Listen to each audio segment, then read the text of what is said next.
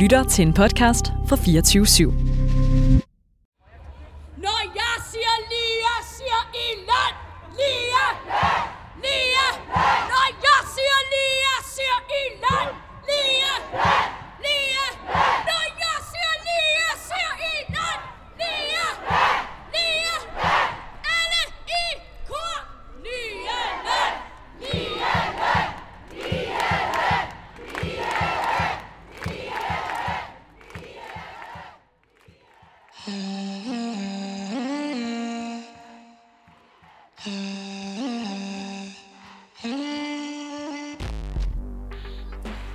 Når du øh, tjekker din lønseddel, tænker du så øh, egentlig over, at øh, kønsroller gennem historien har haft en indflydelse på det beløb, du tjener?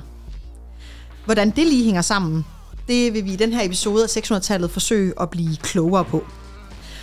Og det er selvfølgelig den anledning, at sygeplejerskerne i Danmark, de har strækket historisk længe for at få en højere løn, og i virkeligheden også for at få lige løn.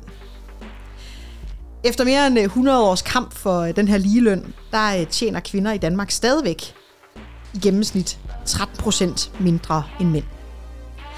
Og faktisk er det sådan, at jo større andel er af kvinder inden for dit fag, jo lavere er lønnen, særligt hvis vi kigger på den offentlige sektor.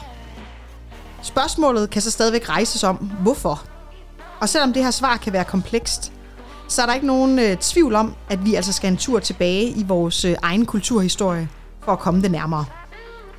Den tur, den vil vi øh, tage på nu i dagens afsnit, og vi stiller altså spørgsmålet, hvordan er fortidens kønsroller en del af nutidens arbejdsmarked? Mit navn er Mette Bjørn Thysen. Jeg er kulturhistoriker med speciale i køn, krop og seksualitet. Velkommen.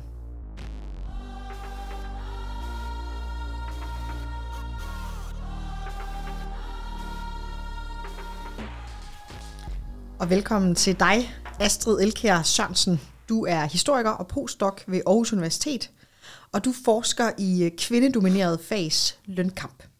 Ja, og tusind tak, fordi jeg måtte komme. Jamen selvfølgelig, vi er så glade for at have dig. Helt sådan kort til at begynde med, hvad har overrasket dig mest i din forskning? Uha, det er jo et stort spørgsmål, fordi jeg synes jo, noget af det gode ved at være forsker, det er, at man bliver, øh, man bliver konstant overrasket. Jeg tror, øh, en af de nyere fund, jeg gjorde, der overraskede mig, det var, da jeg kiggede på den her tjenestemandsreform, og at jeg så faktisk opdagede, at politikerne i øh, 1969, da man vedtog tjenestemandsreformen, faktisk gav et løfte om jævnlig stillingsvurdering. Det vil sige, at de faktisk sagde, at lønhierarkiet jævnligt skulle opdateres. Øh, og så samtidig kunne jeg jo se på den undersøgelse, som Institut for Menneskerettigheder lavede, at lønhierarkiet i den offentlige sektor har været ret statisk. Er der noget omkring dit eget sådan, øh, liv som øh, kvinde, som du sådan har fået sat i perspektiv i forhold til arbejdsliv? Uha, det er, det er igen et svært spørgsmål. Altså, jeg tror jo, øh, nu, er, nu er jeg jo opdraget af, af, af hele to feminister, så, øh, så på den måde er jeg jo nok også øh, blevet, blevet skolet lidt ind i, at, at, at kvindekamp var klassekamp og øh, klassekamp og kvindekamp og alle parolerne tilbage fra 1970'erne. Men, men det er jo klart, at, at når man arbejder med det her hver dag, så, øh, altså, så, så reagerer man jo også på sin forskning. Og nu er jeg en af dem, der i debatten er blevet kaldt en aktivistisk forsker, men for mig i hvert fald personligt, er min aktivisme nok snarere udløst af min forskning, og det er ikke min aktivisme, der har skabt min forskning, det er min forskning, der har skabt min aktivisme, fordi at man jo altså, også bliver bevidst om nogle, nogle fastlåste uretfærdigheder, når man sidder med de her øh, altså dokumenter dag ud og dag ind. Jeg har også, øh, som altid, min, øh, min faste makker, Louise Lindblad, med i øh, studiet. Og Louise, vi laver det her mm. program sammen. Ja. Du er uddannet journalist. Ja. Havde du overvejelser i forhold til øh, løn øh, og dit køn, da du valgte uddannelse? Det fyldte faktisk øh, ingenting. Jeg skal også være ærlig at sige, jeg har forberedt mig til i dag, og jeg, det gik bare op for mig, hvor mange ting, jeg ikke har vidst øh, i forvejen. Så jeg glæder mig til at blive klogere. Men i forhold til journalistik, så er det jo hverken et kvindefag eller et mandefag, kan man sige. Man kan ikke dele det op på den måde. Øhm, det er bare lidt en dårlig startløn generelt, øh, uanset hvilket køn du har.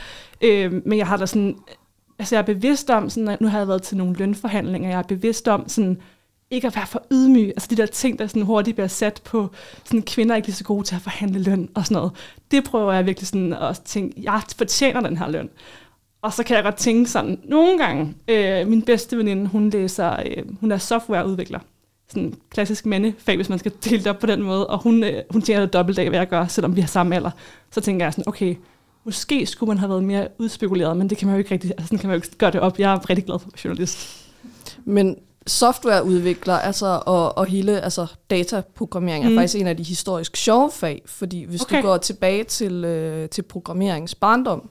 Ja. så var det et kvindefag. Er det rigtigt? Det vidste og, jeg ikke. Og, øh, øh, og gæt, øh, gæt, gæt, hvad der var et væsentligt lavere fag. Lavere lønnet fag dengang. Øh, men, men nej, det første computerprogram nogensinde, det blev skrevet af Ada Lovelace, øh, før computeren faktisk var, øh, var eksisteret i 1830'erne. Sjovt. Okay, det var jeg ikke klar over. Astrid, noget af det du har kigget på, som jeg også tænker, vi skal dykke ned i i dag, det er jo netop det her med historisk set, hvilke nogle fag har bevæget sig sådan op og ned på den her øh, lønliste, hvis man kan sige det sådan. Og det var faktisk noget af det, hvor jeg virkelig tænkte, at det er noget, jeg ikke har tænkt over. Og faktisk nogle ret sådan overraskende ting med nogle af den her, i, på den her stige, kan man sige.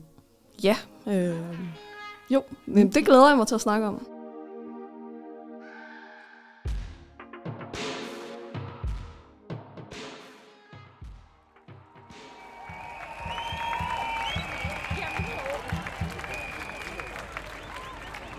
Vi strækker historisk længe, men vi strækker også for at ændre på historien.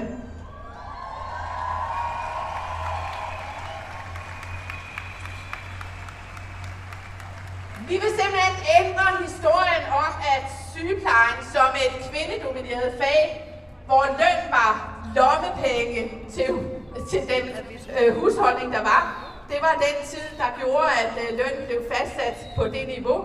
Vi vil nu have en løn, der står mål med den uddannelse, det niveau, vi har i uddannelsen, med det ansvar, vi har og de opgaver, vi har.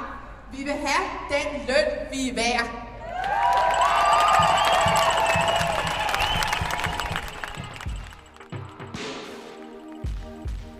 Det var Dansk Sygeplejeråds formand, Grete Christensen, som vi lige hørte her på, øh, på talerstolen til en af de her mange demonstrationer, der har været øh, de seneste øh, uger, ja, hen over øh, også sommeren.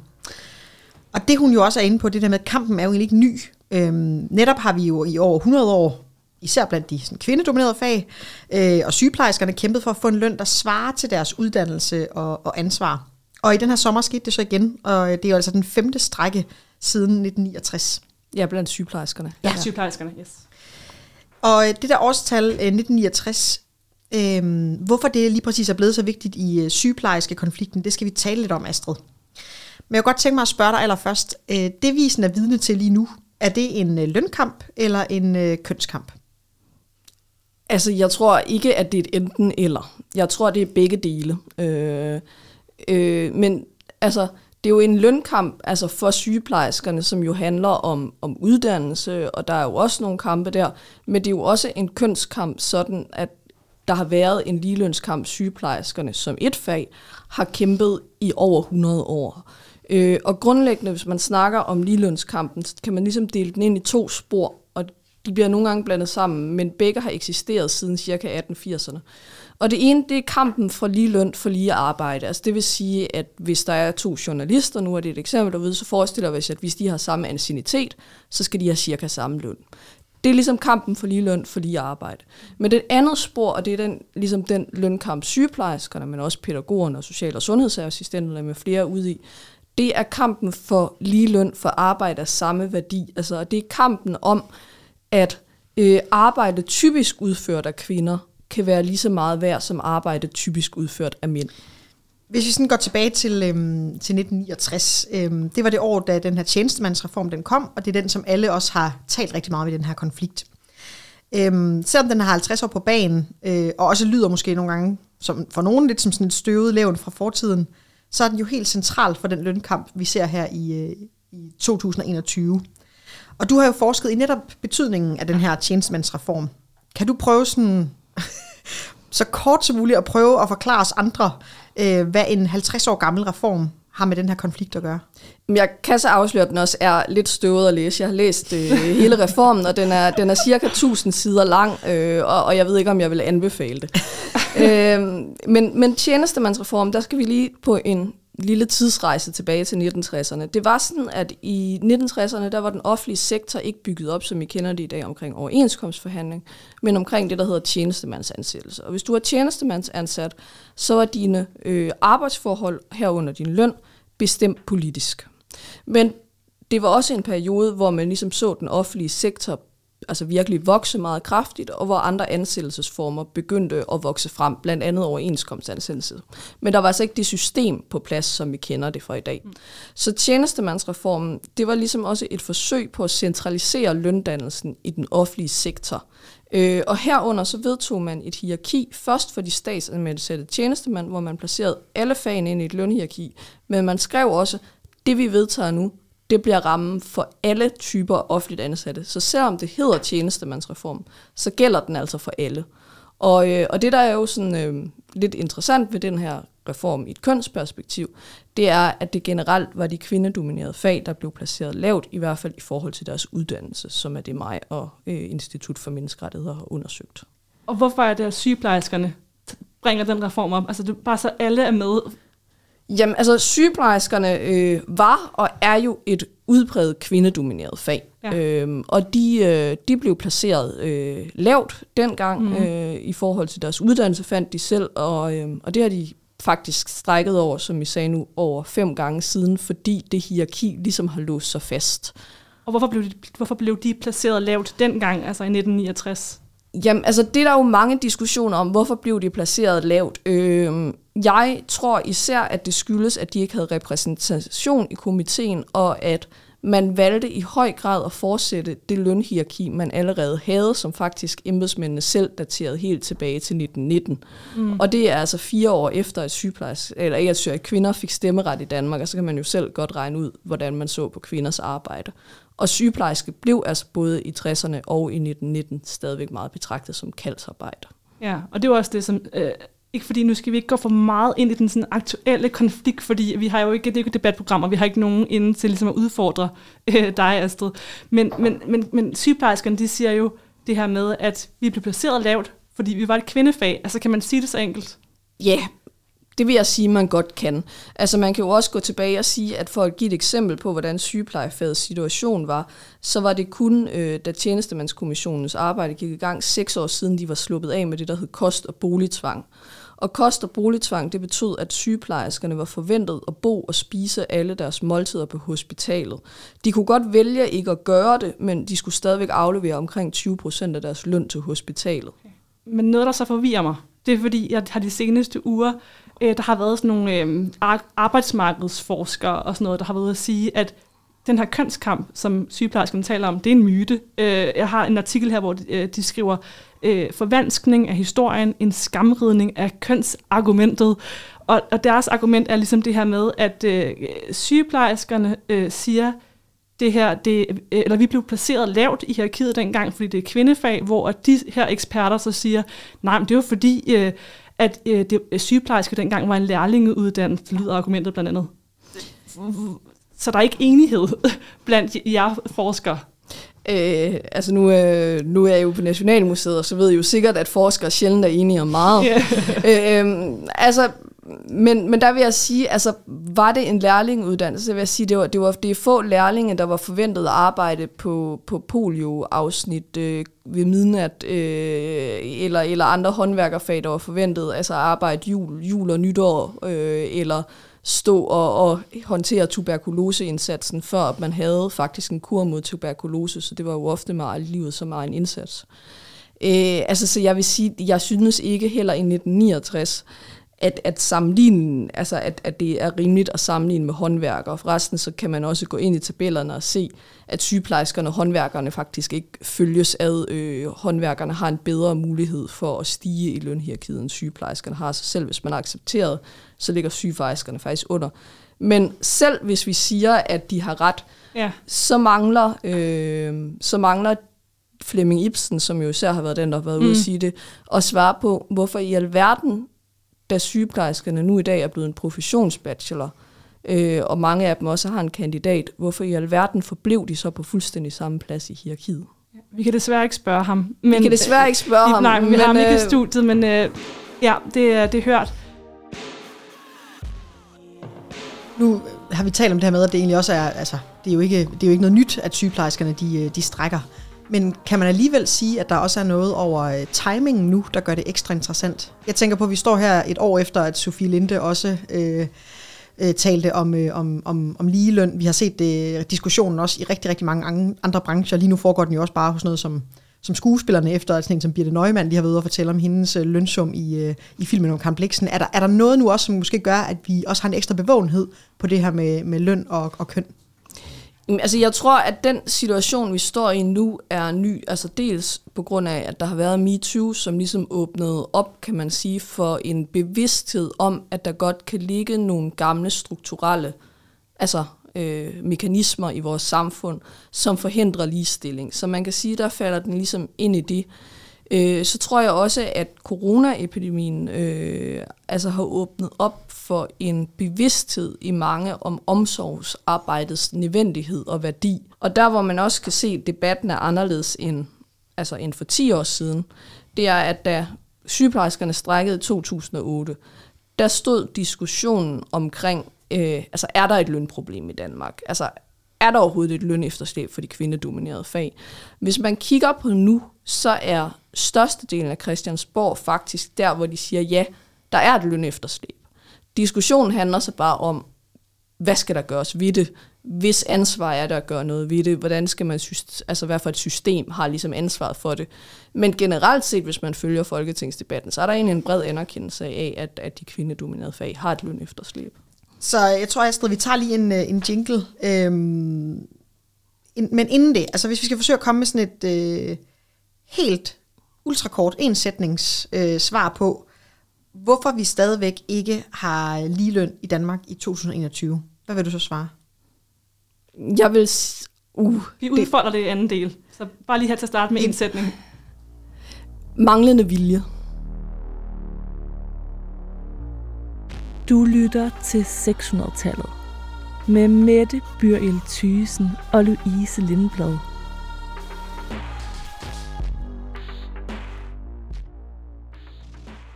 For børnene satte vi vores job på spil. For børnene satte vi vores job på spil. Mens mændene deltager i samfundets spil.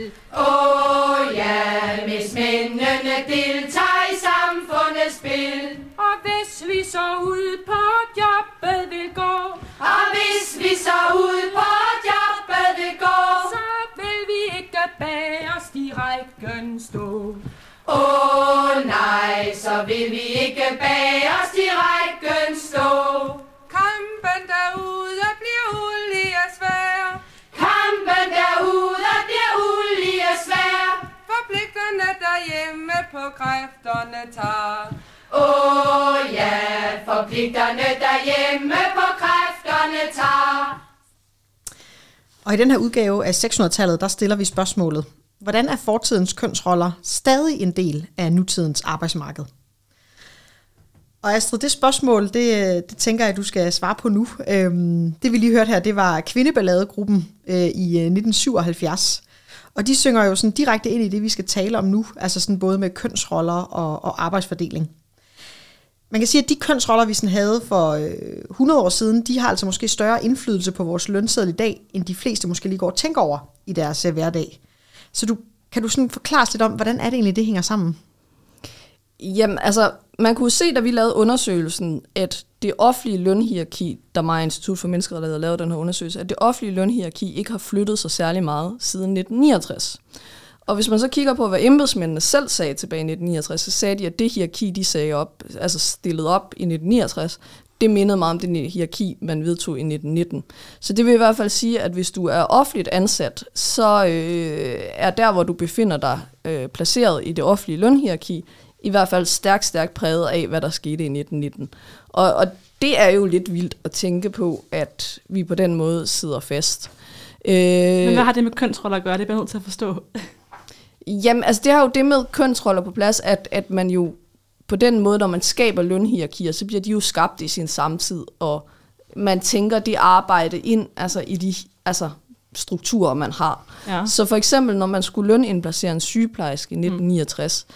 så tænkte man jo det altså som et job varetaget af kvinder, der var ugifte, det skulle de være, ellers blev de fyret, mm. som var et kaldsarbejde, og så blev de jo indplaceret lønmæssigt efter det. Og i og med, hvis deres placering går helt tilbage dertil, så præger det kvindesyn jo stadigvæk den placering, de har i dag. Øh, så er der jo også noget med, at man kan snakke, hvordan altså, spiller kønsroller ind, og det er jo også altså, interessant, nu snakkede, øh, eller snakkede, sang kvinderne her i jeres klip, mm. jo om, omkring altså, dobbeltarbejdet i hjemmet, eller mm. altså ligesom det, at kvinderne tog mere arbejde i hjemmet. Og det kan vi jo også se den dag i dag, at kvinder stadigvæk løfter mm. øh, altså en stor del af omsorgsarbejdet i hjemmet, også mere end mænd gør. Øhm, og det er jo også noget, man har diskuteret historisk set, gør det kvinder til en dårlig arbejdskraft. Øhm, og det har man jo argumenteret for, at det gør. Og til dags dato bliver der jo stadigvæk argumenteret også for, at øh, kvinder er en dårligere arbejdskraft end mænd, fordi de tager mere barsel, øh, de forventes at gå tidligere for arbejde og sådan noget. Så mm. på den måde, så kan man sige, at den, den diskussion er stadigvæk relevant, men at det er en historisk kønsrolle, der hænger ved, eller er det måske snarere, at vi stadigvæk har nogle af de kønsroller øh, tilbage den dag i dag? Ja, og øh, når man taler sådan om, øh, om ulige løn, så kan man jo ret hurtigt tænke sådan, at det er diskrimination, det er et problem, men altså i forhold til i dag, og at kvinder tager stadig øh, 90 procent af barselen, tror jeg det er, kan ja. man ikke også bare sige, at, øh, eller, eller kan det ikke også bare fordi kvinder bare hellere vil bruge deres tid og kræfter sammen med deres børn, end at være en del af hamsterhjulet, og at det måske ikke er et problem for mange kvinder, at de tjener mindre end deres mænd? Jamen, altså for det første, så kan man jo snakke om, hvis kvinder generelt øh, stilles dårligere i løn, altså lige meget hvad de vælger, fordi man forventer det af kvinder, så taler man jo om, at alle kvinder rammes af såkaldt statistisk diskrimination. Altså det vil sige, at du for eksempel som kvindelig journalist bliver mm. sat på en lavere startløn end en mandlig kollega, fordi din chef forventer, at du vil følge et bestemt mønster. Mm. Så er vi ude at tale om det, der hedder statistisk diskrimination, og det er jo lidt et problem, hvis du forventes at have en speciel adfærd, fordi den tillægges din gruppe. Har vi det? Ja. Yeah. Så, altså, så jeg, jeg får lavere løn, fordi man tænker, at jeg skal have nogle børn på et tidspunkt, der kommer til at... Eller, hvad? altså man kan jo i hvert fald se, altså det er jo blandt andet også øh, det, der var blevet nævnt her med skuespillerne, at, at både altså, at kvinder generelt, øh, og jo især jo højere lønnede job, de kommer op i, får en lavere løn end mænd med tilsvarende kvalifikationer og anciennitet. Mm. Så det er jo der, hvor vi overtaler om lige løn for lige arbejde. Den anden diskussion, og det synes jeg jo også er en, er en interessant diskussion her, det er, skal kvinder lønmæssigt straffes for at løfte et omsorgsarbejde, som er nødvendigt for samfundet mm. hjemmet, et ulønnet omsorgsarbejde. Og det er jo en ret principiel diskussion, og jo også en, der har kørt længe, altså hvor at man kan jo snakke om, hvis der ikke er nogen, der føder babyer, og hvis der ikke er nogen, der tager sig af de babyer, mm. så, så er der ikke ret meget økonomisk vækst om 100 år. Øh, så, så, så er den ret flat, flat quote. Men det er jo sådan ligesom lidt en fejl, kan man sige, i den måde, vi regner BNP ud på, fordi at øh, det tæller ikke som værdi at føde et barn. Og hvis der er nogen af lytterne, der har født et barn, så er jeg sikker på, at det var hårdt arbejde. Øh, det, det, at det har du med det. Født et barn. Var det, var det hårdt arbejde? Det var fuldstændig absurd. Sindssygt hårdt arbejde. Jeg, jeg kan så fortælle dig, at i klassisk økonomisk beregning, så øh, er du i hvile når øh, du føder, og når du er i barsel, du er uproduktiv for samfundet i det øjeblik. Noget af det, jeg bare nogle gange også sådan tænker over i forhold til sådan fortidens, øh, fortidens kønsroller, det er jo også, at vi har jo også haft et samfund, hvor vi har været vant til, at det var kvinden, der i høj grad havde en, en plads i hjemmet. Det var øh, kvinden, der ligesom sådan opretholde, opretholdte sådan øh, familiens... Øh, øh, godt befindende, og det var manden, der ligesom sådan repræsenterede hjemmet uden for hjemmet. Det sidste er rigtigt. Det andet har vi haft et ideal om rigtig længe, men det er egentlig rigtig, rigtig interessant, hvor kort tid et flertal af danske kvinder har været husmødre i den der forstand kun haft øh, ansvaret for hjemmet. Altså det er sådan, hvis vi går tilbage til hele 1800-tallet og også tager 1900-tallet op til 40'erne, så var stort set alle danske kvinder uden for borgerskabet, altså sådan noget, det var det, her taler vi om det bedre borgerskab, mm. faktisk arbejdende. Dels fordi Danmark stadigvæk var et udbredt landbrugssamfund, og alle i landbrugssamfundet arbejder, og de arbejder fra morgen til aften. Og udover det så kvinderne, der var i byerne, øh, altså uden for borgerskabet, var også nødt til at arbejde, fordi at økonomien var simpelthen ikke til, de ikke arbejdede. Det var så øh, ofte sæsonarbejde, det var dårligere betalt arbejde, eller det var en del af den informelle økonomi, hvor de for eksempel, altså du ved, vaskede for nabokonen og Mm. fik nogle penge for det, så det var ikke registreret som klassisk lønarbejde. Men kvinder arbejdede i høj grad. Så kommer det økonomiske opsving med Marshallhjælpen i 50'erne, og så er der en, en lille periode fra starten af 60'erne og ind til cirka, 9, altså cirka 1970, hvor at et flertal af gifte kvinder er hjemmegående og er husmødre i den forstand, vi forstår, som du beskriver det der. Men det er et blip i Danmarks historien, at kvinder rent faktisk har været levet op til det ideal. Men det har været et ideal meget længere, og har jo været et stort projekt for Socialdemokratiet og fagbevægelsen, mm. at kvinder skulle kunne nå derhen. Så på den måde har idealet eksisteret længere end virkeligheden for husmødre har eksisteret. Og i virkeligheden også det her, du siger med usynlige opgaver, ikke? Fordi jeg tænker også bare ude på landet i gamle dage. Grunden til, at jeg nævner det her med manden uden for hjemmet. Forestiller vi os en, en, en familie på landet, har manden jo også meget haft måske nogle af de øh, fysiske opgaver uden for hjemmet, men, men der tænker vi også måske, at kvinden har vi en tendens til at tænke hende som husmor, men i virkeligheden var hun jo øh, både HR-chef og øh, kantinemedarbejder, og øh, altså, der har vel også været mange ting der, hvor man, Ja. det, er jo, det er jo lige så meget arbejde, som det andet har været, fordi det ene har også forudsat det andet, ikke? Det ene har fået sat det andet, og selvfølgelig har der også været en arbejdsdeling på gården, altså hvor karlene har lavet noget andet end pigerne. Men altså, der er jo også bare landbrugsarbejde, hvor alle har taget det hårde fysiske slid. Altså køer, der skal mælkes, eller altså min egen, øh, jeg kommer selv fra øh, en landbrugsfamilie, og min egen farmor, altså der var for eksempel mere end 1000 æg hver morgen, der skulle slibes, og det gjorde mænd såvel som kvinder. Men i, siden ved siden af det, hun var uddannet skrædder, ved siden af det, så sad hun så og syede og lappede for nabokonerne for at få det ends til at mide i sådan en husmandsfamilie. Altså, så, så jo, men det er jo rigtigt, at manden har været den, der repræsenterede udenfor. Det har jo typisk også været ham, der stod for for eksempel, hvis der var nogle kreaturer, der skulle sælges eller sådan noget, så har det typisk været manden. Og ligeledes så har det jo også været mændene, der har været de dominerende i fagforbundene, og mændene, der har været de dominerende i dansk politik. Så på den måde er det rigtigt, at mændene har defineret, altså, altså været de definerende i den politiske sfære. Men kvinder har i høj grad været lige så arbejdende historisk set. Astrid Mette, jeg godt tænke mig at høre sådan lidt mere om, hvad der ligesom har været af sådan oprør gennem tiden. Altså, jeg har læst den bog, du også har været med til at skrive, der hedder Pæne Pigers Oprør. Ja, den skrev jeg helt selv. Den skrev du helt selv? Okay, sejt. Jeg, egentlig faktisk bare lige først, hvorfor kaldte du den, øh, den titel?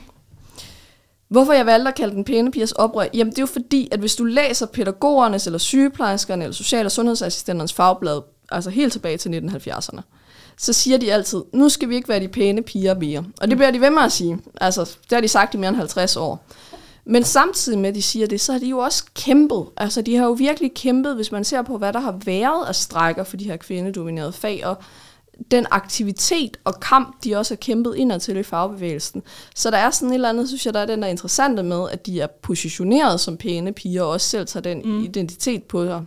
Men samtidig jo også virkelig har kæmpet, og så synes jeg, det var sjovt at sætte den her lidt tvetydige identitet, der er mellem oprør og pæne piger ind i samme overskrift. Fordi der er noget tvetydighed i den, som jeg synes har været rigtig interessant at arbejde med. Kan der også være noget i forhold til nutiden? Altså det her med, at vi er lidt for pæne, når vi går til den forhandlinger. Jamen, det siger du jo, og det ja. har jeg hørt mange kvinder sige. Ja. Øhm, og rent faktisk så er der ikke noget, der tyder på, at kvinder nødvendigvis er spor dårlige forhandlere end mænd, Nej. eller er, er dårligere lønforhandlere. Der er noget, der tyder på, at kvinder øh, prioriterer lidt bredere, når de altså, er inde og forhandle deres forhold. At, altså, at altså, mænd de typisk satser kun på lønnen, hvor at kvinder typisk også gerne vil sikre både pension, øh, men også altså, er optaget af, hvad er barselsforholdene på min arbejdsplads og sådan Ja. noget. Men der er ikke noget, der tyder på, at kvinder er dårlige forhandlere. Men det er en myte, der virkelig sidder der. Det er en stærk myte. Ja. Øhm, altså, og, og det man jo også kan sige, det er, at kvinder tit starter med at få tilbudt en dårligere, altså et dårligere. Mm. udgangspunkt. Altså, og man forhandler jo tit, altså de fleste forhandler jo ikke på en blank slate. Altså de fleste forhandler jo ligesom ud fra, hvad de får tilbudt, og, og hvad de sådan ligesom kan se. Det Mm. spejler sig i. Hvad der så er rigtigt i Danmark, det er, at vi er utrolig dårlige til at tale om vores løn. Altså mange aner ikke, hvad deres kollegaer, nærmeste kollegaer får i løn. Og det er måske også med til at gøre, at nogle kvinder, de faktisk tror, at deres mandlige kollegaer tjener det samme som dem Mm. selv, fordi det aldrig er blevet lykkedes at blive snakket om. Mm. I forhold til de her øh, kvindelige oprør, kan man sige noget om, hvornår de ligesom har fået mest igennem, eller hvor, at der ligesom, hvor det har fyldt mest i vores historie? Men altså, der er jo en kæmpe bølge der i start 70'erne, Ja. hvor at man vinder øh, altså ligeløn for lige arbejde. Mm. Så kommer der igen en bølge øh, i slut 80'erne, start 90'erne, hvor at HK jo netop formår at vise, at ligelønsloven er utilstrækkelig. Mm. Og det gør det væsentligt nemmere, jeg vil ikke sige, det er nemt, men det gør det væsentligt nemmere at føre ligelønssager, øh, og flytter også noget af bevisbyrden over på arbejdsgiver, således at hvis arbejdstager kan bevise, at der er en gennemsnitligt forskel på mænd og kvinder på arbejdspladsen, så er det op til arbejdsgiver at dokumentere, at denne forskel ikke skyldes køn. Det er også ret væsentligt. Mm. Så vil jeg sige, at herefter så har det ligesom været den offentlige sektor, der har været i fokus ja. siden øh, slut nullerne, hvor at det jo så ligesom har været de kvindedominerede fag, der har ligesom taget den her gamle sag op fra 1969 og siger, nu er vi altså nødt til at kigge på, hvad er det, der gør, at kvinde, traditionelt kvindedomineret arbejde i den offentlige sektor ligger placeret så lavt. Så det er ligesom den del af ligelønsdebatten, der har domineret de sidste 15 ja. år. Ja, og grunden til at spørge, det er også, fordi jeg var ude og tale med nogle øh, af nutidens oprør, kan man sige, eller i hvert fald lige her de seneste måneder, sygeplejerskerne, øh, der stod ude foran Christiansborg i deres rød-hvide trøjer og stod med banner, og jeg har interviewet nogle af de der sygeplejersker. Øhm, og jeg vil lige afspille øh, klippet for jer her. Vi er otte fra Vejle Sygehus øjenafdeling, som har taget turen herover i dag til Christiansborg for at være med til at kæmpe vores fælles kamp. Prøv at sætte nogle flere ord på, hvorfor jeg er her i dag. Jamen, vi er her, fordi vi har arbejdet i rigtig, rigtig mange år, og vi kører stadigvæk med en voldsom lav løn. Vi knokler af, og vi får mere og mere komplicerede øh, opgaver, og vi synes ikke, vi får takken for det. Hvor mange år har I været sygeplejersker? 42 år. 38. 15. Dengang I valgte faget, hvorfor gjorde I det?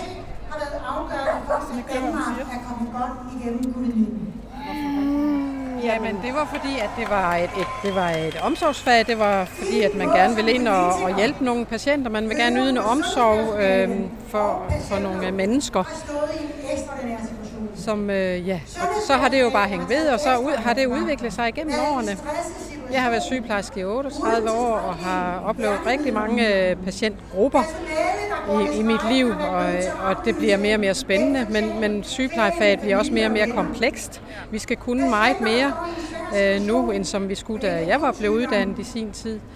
Øh, patienterne er kortere tid indlagt. Vi skal nå øh, lige så meget, øh, som vi skulle før, så, men så bare på kortere tid.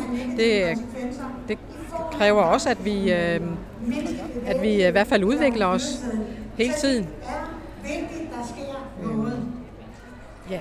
Dengang jeg startede, der var det også øh, det var en tryghed i arbejdet. Der var, hvis man var sygeplejerske, så var man sikker på at, at have et arbejde og have et godt arbejde. Plus at det var en, det var en spændende uddannelse, som, som er meget bred. Man kan mange ting. Man kan, ja, man kan bygge videre på den. Man kan rejse ud i verden. Og, ja. Tænkte de over lønnen allerede dengang? Kan I huske det? Nej, der var det ikke noget stort issue. Det var ikke noget issue dengang, nej. Og jeg tænkte heller ikke på, at den faktisk var relateret til jeres køn, eller det, at det er et kvindedomineret fag. Nej, Nej, det er, det da, tænkte det er da noget, vi er blevet opmærksom på ret meget. Altså, jeg tror ikke, vi var ret længe i faget, før vi egentlig blev, fik den opmærksomhed på det. Så. Det er jo et historisk program, jeg laver for Nationalmuseet. Sådan hele sådan den historiske baggrund. Ja, og, øh, og den går altså 100 år tilbage, kampen for ligeløn. Øh, det her det er den femte øh, sygeplejerske strække siden 1969. Tror I, at I bliver dem, der slår banker hul i muren? Altså tror I, I er dem, der kommer til at gøre forskning? For der er jo ikke sket sønderligt meget i alle de år, der er blevet kæmpet. Nej, vi må sige, at der er ikke sket nul og en skid. Nej. Øh, vi håber og tror, at det er nu, at vi slår hul i muren, som du siger. Hvis ikke det er nu, så ved jeg ved Gud ikke, hvordan det skulle kunne lade sig gøre. Vi har haft en coronatid, hvor vi har arbejdet så mange timer og haft så syge mennesker. Øhm, vi har en socialdemokratisk regering, der i andre sammenhænge har talt om lige løn for lige. Og, lige pludselig er de voldsomt tavse i forhold til Hvordan opfatter I ellers, at sådan befolkningen generelt tager imod strækken her? Altså får I den opbakning, som I havde håbet på? Ja, det det gør vi. vi gør, ja. Synes og vi også- kan mærke på vores patienter, at de støtter os rigtig Ja, meget, når vi ja. er inde og arbejde. Vi er udtaget til strække, men vi er jo i nødberedskabet indimellem. Og der mærker vi rigtig meget, at vores patienter de tilkendegiver deres støtte til os. Og, og øh, synes, at vi fortjener noget mere. Vi fortjener en lige løn. Og øh, giver også udtryk for, at det er da utroligt, at i år 2021, at vi stadigvæk har forskel på køn og løn. Jeg håber, I kunne abstrahere fra Liselotte i baggrunden. det var hende, man kunne høre på scenen. Men øh, ja, Astrid, jeg kunne egentlig godt tænke mig at spørge dig. Altså nu har sygeplejerskerne måske ikke fået det ud af strækken, som de havde håbet på lønmæssigt, men har de fået noget andet ud af det? Altså har de fået sat et fokus på ligeløn, tænker du? Jamen, altså, der er jo ingen tvivl om, at sygeplejerskerne gik i strække med et ønske om højere løn. Mm. Øh, og det er der ikke noget, der tyder på, at, at de får. Altså, de ser ud til at få nøjagtigt det, de sagde nej til i forligsskitsen. Men det, man kan sige, det er jo, at nu kommer der den her komité, øh, som øh, er blevet nedsat, som skal kigge på lønstrukturerne i det offentlige.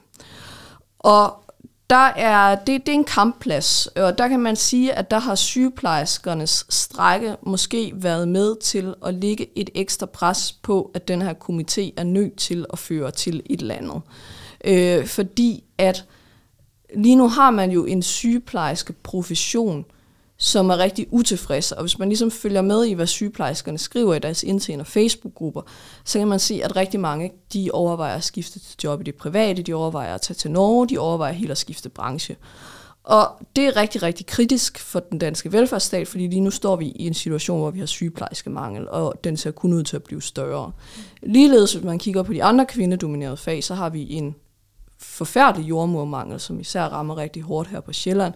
Vi har en kæmpe pædagogmangel, vi har mangel på social- og sundhedsassistenter, for bare at nævne de store fag. Mm. Og det er jo alt sammen med til at lægge et pres på, at den her problematik er nødt til at blive taget alvorligt i komiteen. Altså, og hvis man ikke gør det, så er det jo i hvert fald svært at blive ved med nok at holde på de medarbejdere, man håber på, og blive ved med at kunne rekruttere nok medarbejdere til det velfærdssamfund, som vi i hvert fald siger, vi gerne vil have i fremtiden. Øh, Så på den måde så kan man sige, at det risikerer at gå fra bare at være en ligestillingsproblematik til også at være en problematik for hele velfærdssamfundet, hvis man ikke tager det alvorligt. Og det er jo ret alvorligt for en socialdemokratisk regering, der jo i høj grad gik til valg på netop at ville sikre velfærdssamfundet. Og nu, øh, vi talte tidligere om, at du har lavet et, øh, sådan en, øh, en figur i den her rapport, øhm, og nu nævner du bare selv det her med øh, jordmødre og socialrådgivere. De er jo faktisk nogle af dem, man kan se, der har, ryk, der har rykket ned i lønhierarkiet i forhold til reformen af 1969, og i forhold til, man sammenligner med 2019. Ja. En ting, jeg bare sådan her på falderevet godt kunne tænke jer at mig spørge jer to om, mm. det er fordi, for jeg har selv gået og tænkt lidt over det faktisk, set i lyset af den her øh, strække, og egentlig også, Astrid, nu sagde du det her med, generelt i Danmark er vi rigtig dårligt til at tale om løn, og øh, netop det her med sådan en større gennemsigtighed. Øhm, fordi for et par måneder siden, der øh, skulle jeg øh, arrangere øh, et, et arrangement, og der skrev jeg sammen med en kvindelig kunstner, og vi øh, aftalte et honorar, og så skrev hun efterfølgende til mig, der skulle findes endnu en kunstner, så skrev hun, at øh, hvis det blev en mandlig kunstner, så ville hun meget gerne vide, hvad han tjente. Og jeg kan huske, at jeg på det tidspunkt tænkte sådan, jeg vil egentlig gerne være, øh, være, være helt fair, jeg vil også gerne sikre gennemsigtighed, og, og selvfølgelig vil jeg jo gerne oplyse om det. Men jeg kan huske, at jeg faktisk også blev sådan lidt provokeret af, sådan, hvorfor kun hvis det er en mandlig, vil du ikke også vide, hvad, din, hvad den kvindelige kunstner mm. øh, tjener? Så jeg kan huske, at jeg på det tidspunkt blev sådan lidt sådan, det er, lidt, det er måske lidt åndssvagt. Men egentlig har jeg tænkt over sådan de sidste par uger, sådan, at det måske egentlig ikke var helt skævt spurgt. Så i virkeligheden også, øh, Louise, når du også siger ja til freelance-opgaver og sådan noget, burde du i virkeligheden også øh, researche mere, hvad en øh, mandlig kollega ville få for samme opgave? Det gør jeg faktisk. Og jeg skriver øh, specifikt nærmest, og jeg ved ikke, om det har været bevidst, det, det har nok været bevidst. Jeg skriver til øh, de mænd, jeg gik på studie med, og spørger, hvad får du der, og hvad får du der? Og det er simpelthen fordi, jeg var sådan, jeg skal, altså jeg skal have det samme. vi var lige dygtige på studiet, og vores job kan godt sammenlignes rigtig, rigtig meget. Vi skal have det samme, så det gør jeg faktisk allerede. Ja. ja. Er der noget, vi sådan på en eller anden måde, også på baggrund af, af det, vi har talt om i dag, rent øh, historisk, og når vi ser ind i den konflikt, der er lige nu, er der egentlig noget, er der, kan vi opsummere med nogle gode råd i det hele taget? Altså, jeg vil gerne give et råd, øh, som jeg er meget optaget af. Det er jo sådan, øh, nu snakkede vi om, om arbejdet i hjemmets fordeling. Og det er jo til dags statusen, at kvinder arbejder mere deltid end mænd. Mm. Øh, med kvinder arbejder i gennemsnit 32,5 timer, og mænd 38 timer om ugen i gennemsnit. Øh, og der kan være mange gode grunde til at vælge deltid, men hvis man vælger deltid for familiens skyld og for at få familielivet til at hænge sammen, så sørg nu for at få lavet en deling af pension. Fordi det er faktisk et større problem end lønforskellen, det er pensionsforskellen. Den er meget, meget stor i Danmark. Øh, så går I på deltid, så få lavet en aftale med jeres mænd. Mm. Eller kvindelige samlever om at dele pensionen. Jeg synes, vi er kommet øh, virkelig bredt øh, omkring i dag, og øh, jeg vil sige, jeg synes, øh, jeg også vil sige rigtig gerne mange tak til dig, Astrid, fordi du har virkelig båret os igennem noget meget komplekst stof, som jeg tror både Louise og jeg Ja. har været sådan lidt, hvor, hvor starter vi, og hvor slutter vi, og hvor, hvor ender det henne. Men jeg synes i hvert fald i dag, at vi sådan er kommet øh, et skridt nærmere Helt at forstå øh, egentlig også, hvad det er for nogle øh, strukturer, der egentlig også øh, sådan ligger i den her lønkamp. Mm. Så tusind tak, fordi du kom, Tusind Astrid. tak, fordi jeg måtte komme. Tusind tak. 600-tallet er produceret af Nationalmuseet for Radio Loud. Tak fordi du lyttede med.